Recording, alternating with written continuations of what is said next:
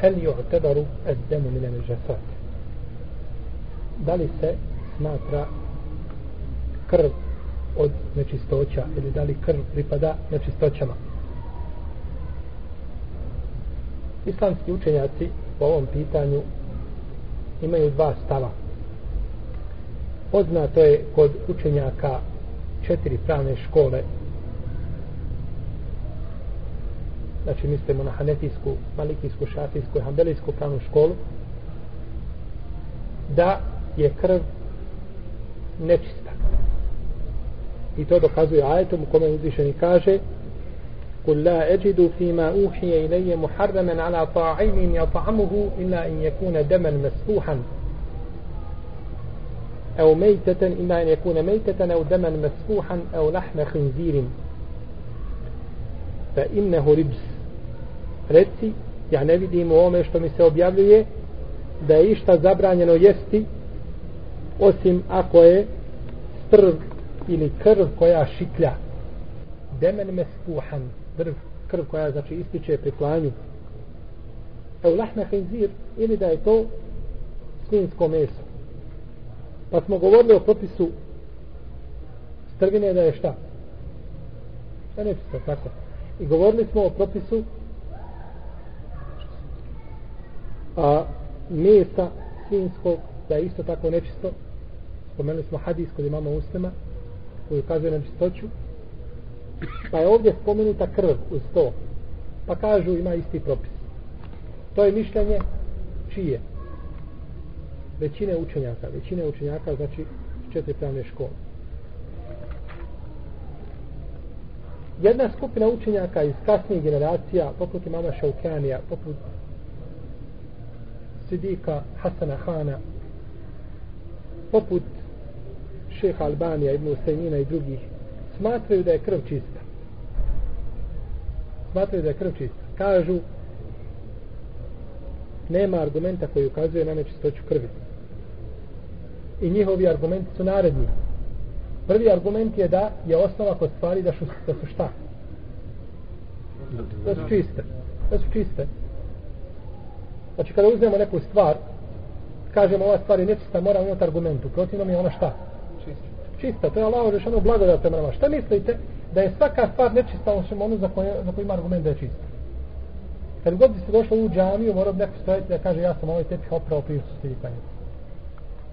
Tako odjeću, tako sve živo. Šta god da bi čovjek dotaknuo, mora bi prati ruke nakon toga, jer bi bilo osnovno da je to nečisto. To bi bilo veliko opterećenje za čovjeka. Pa je uzvišen Allah te barak je utala olakšao s te strane pa je učinio osnovu kod svih stvari da su čiste dok ne dođe argument koji ukazuje na nečistoću dotične stvari. Pa kažu krv je čista i ona je na svojoj osnovi da je čista. I nema argumenta koji ukazuje na njenu nečistoću. Drugi dokaz njihov jesu riječi Hasan al-Basrija koje je zabilježio imam Buharija u svome sahihu gdje kaže ma zalel muslimune usallune fi džirahatihim muslimani od uvijek klanjaju svojim ranama.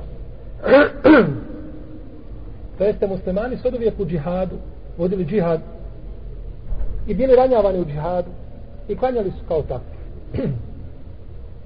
što ukazuje da krv šta nije nečista jer ne bi mogli klanjati u takvim takvoj situaciji. I dokaz im isto tako hadis Alekum salam.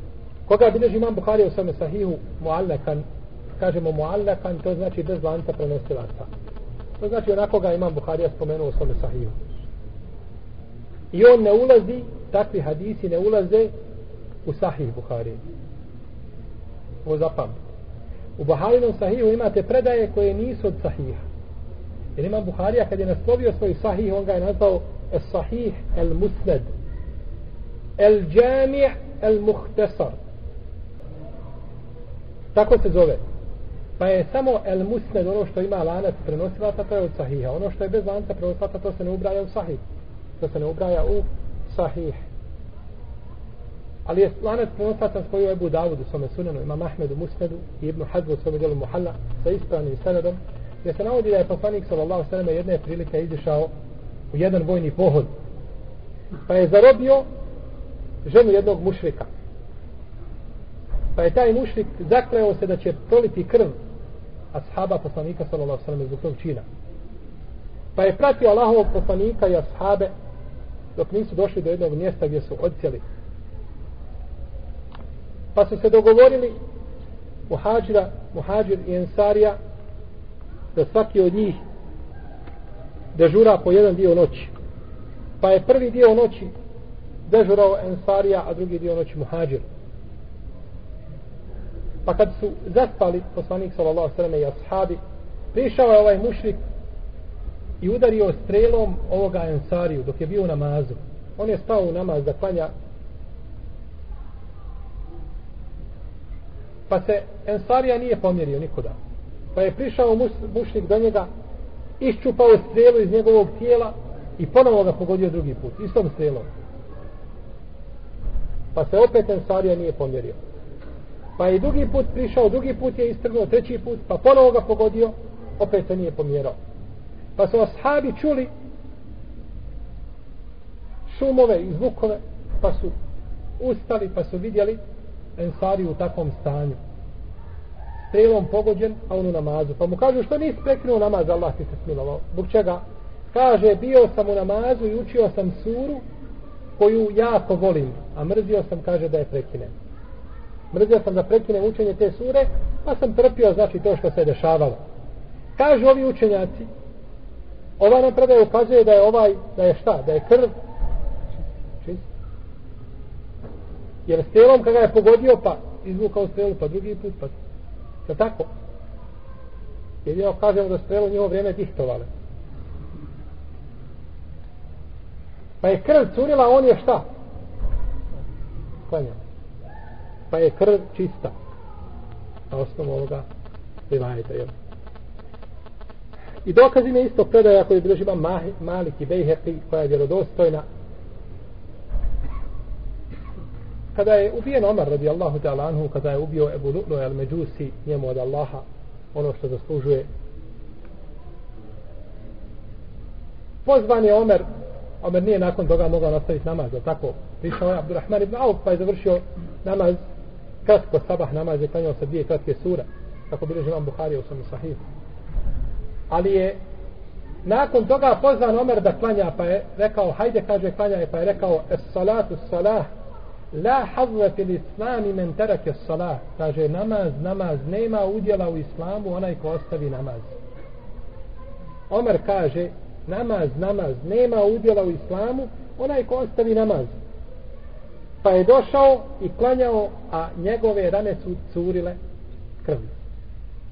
Pa ukazuje da je krv šta?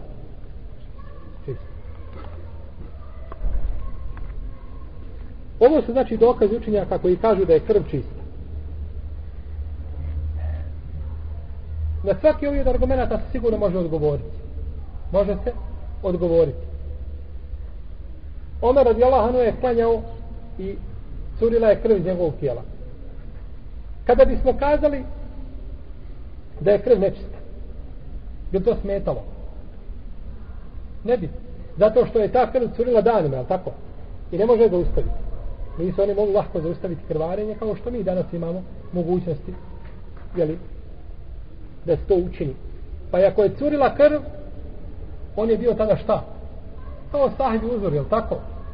Čovjek koji ima telesom beul kome je stalno izlazio mokraće ili vjetrovi i tako dalje. Kad god mu iziđe moral on već mijenje abdest i moral preknet namaz? Moral ne mora. Ne mora on ima tada opravdanje. Tako i Omer radi Allah tako i ovaj ashab koga je pogodilo i kome je znači curila znači rana. A druga stvar možda ashab nije znao propis. Može li biti? Može, kako ne može biti? Da nije znao propis. Da nije znao propis u tome stanju. A možda je ovdje nama dokaz da kažemo da je ashab nije smatrao da je a, dokaz argumenta koji kažu da je da je krv a, e, čista da je taj ashab smatrao šta da je krv čista. Postoje mogućnost. Postoje mogućnost. No međutim no međutim a, nije nije kategoričkog delaleta jer nije kategorički argument znači da je krv da je krv čista da je u stvari krv jer da je krv čista prije ovoga, odnosno prije ovih učenjaka, prije Šaukjanije, prije Sedika Hana i prije šeha Albanija, Ibn Semina i drugi, imamo konsensus učenjaka koji su kazali da je krv nečista. Između ostalog to su kazali Ibn Kajim u svome dijelu i Gaspetu Rahfan kaže pitanje ima Mahmed a Ibn Kajim je bio hambelijskog mezheba, je tako? Pitanje ima Mahmed, imam njegovog mezheba o krvi. Pa kaže o tome se ljudi ne razilaze. Po pitanju krvi pitanje o krvi i o gnjoju. Pa kaže po pitanju krvi ljudi se šta? Ne razilaze. To znači da po pitanju gnjoja ima šta? Razilaženje među učenjacima.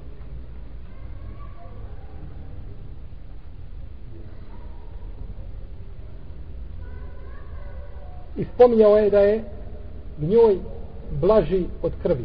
Da je gnjoj njoj blaži od krvi. Znači po pitanju nečistoće. I spomenuo je mi znamo da ima Mahmed umro koje godine? Ko zna 241.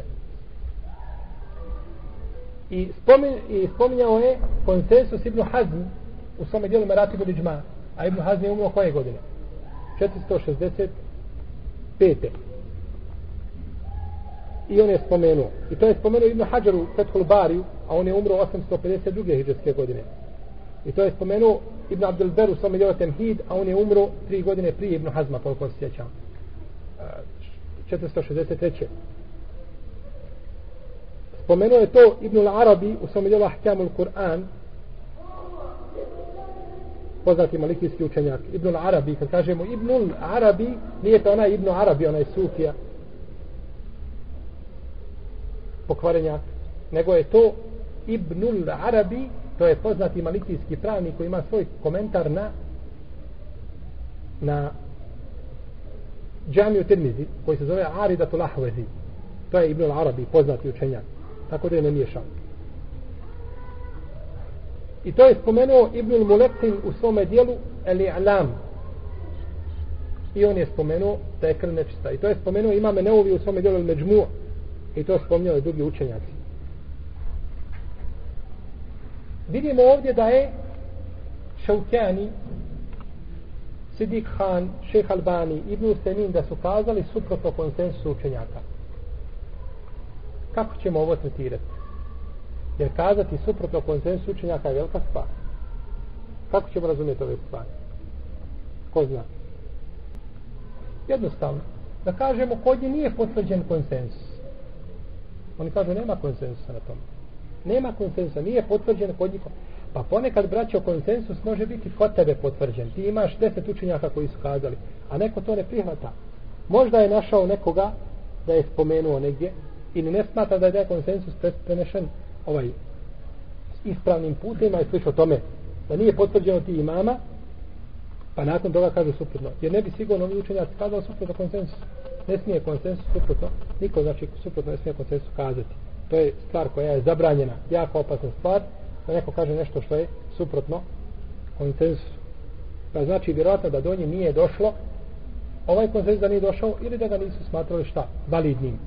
Tako znači da kažemo ispravno mišljenje većine učenjaka, cijeneći poštujući stav ove kasnije uleme koja je kazala da je krv čista, no međutim, ovaj dok se ne potvrdi da je neko prije imama Ahmeda kazao da je krv nečista, ne možemo kazati, znači mora biti prije imama Ahmeda da je neko od Selefa kazao da je krv nečista. Ako se to potvrdi, možemo kazati da postoji razilaženje, u protivnom ostaje konsensus validan.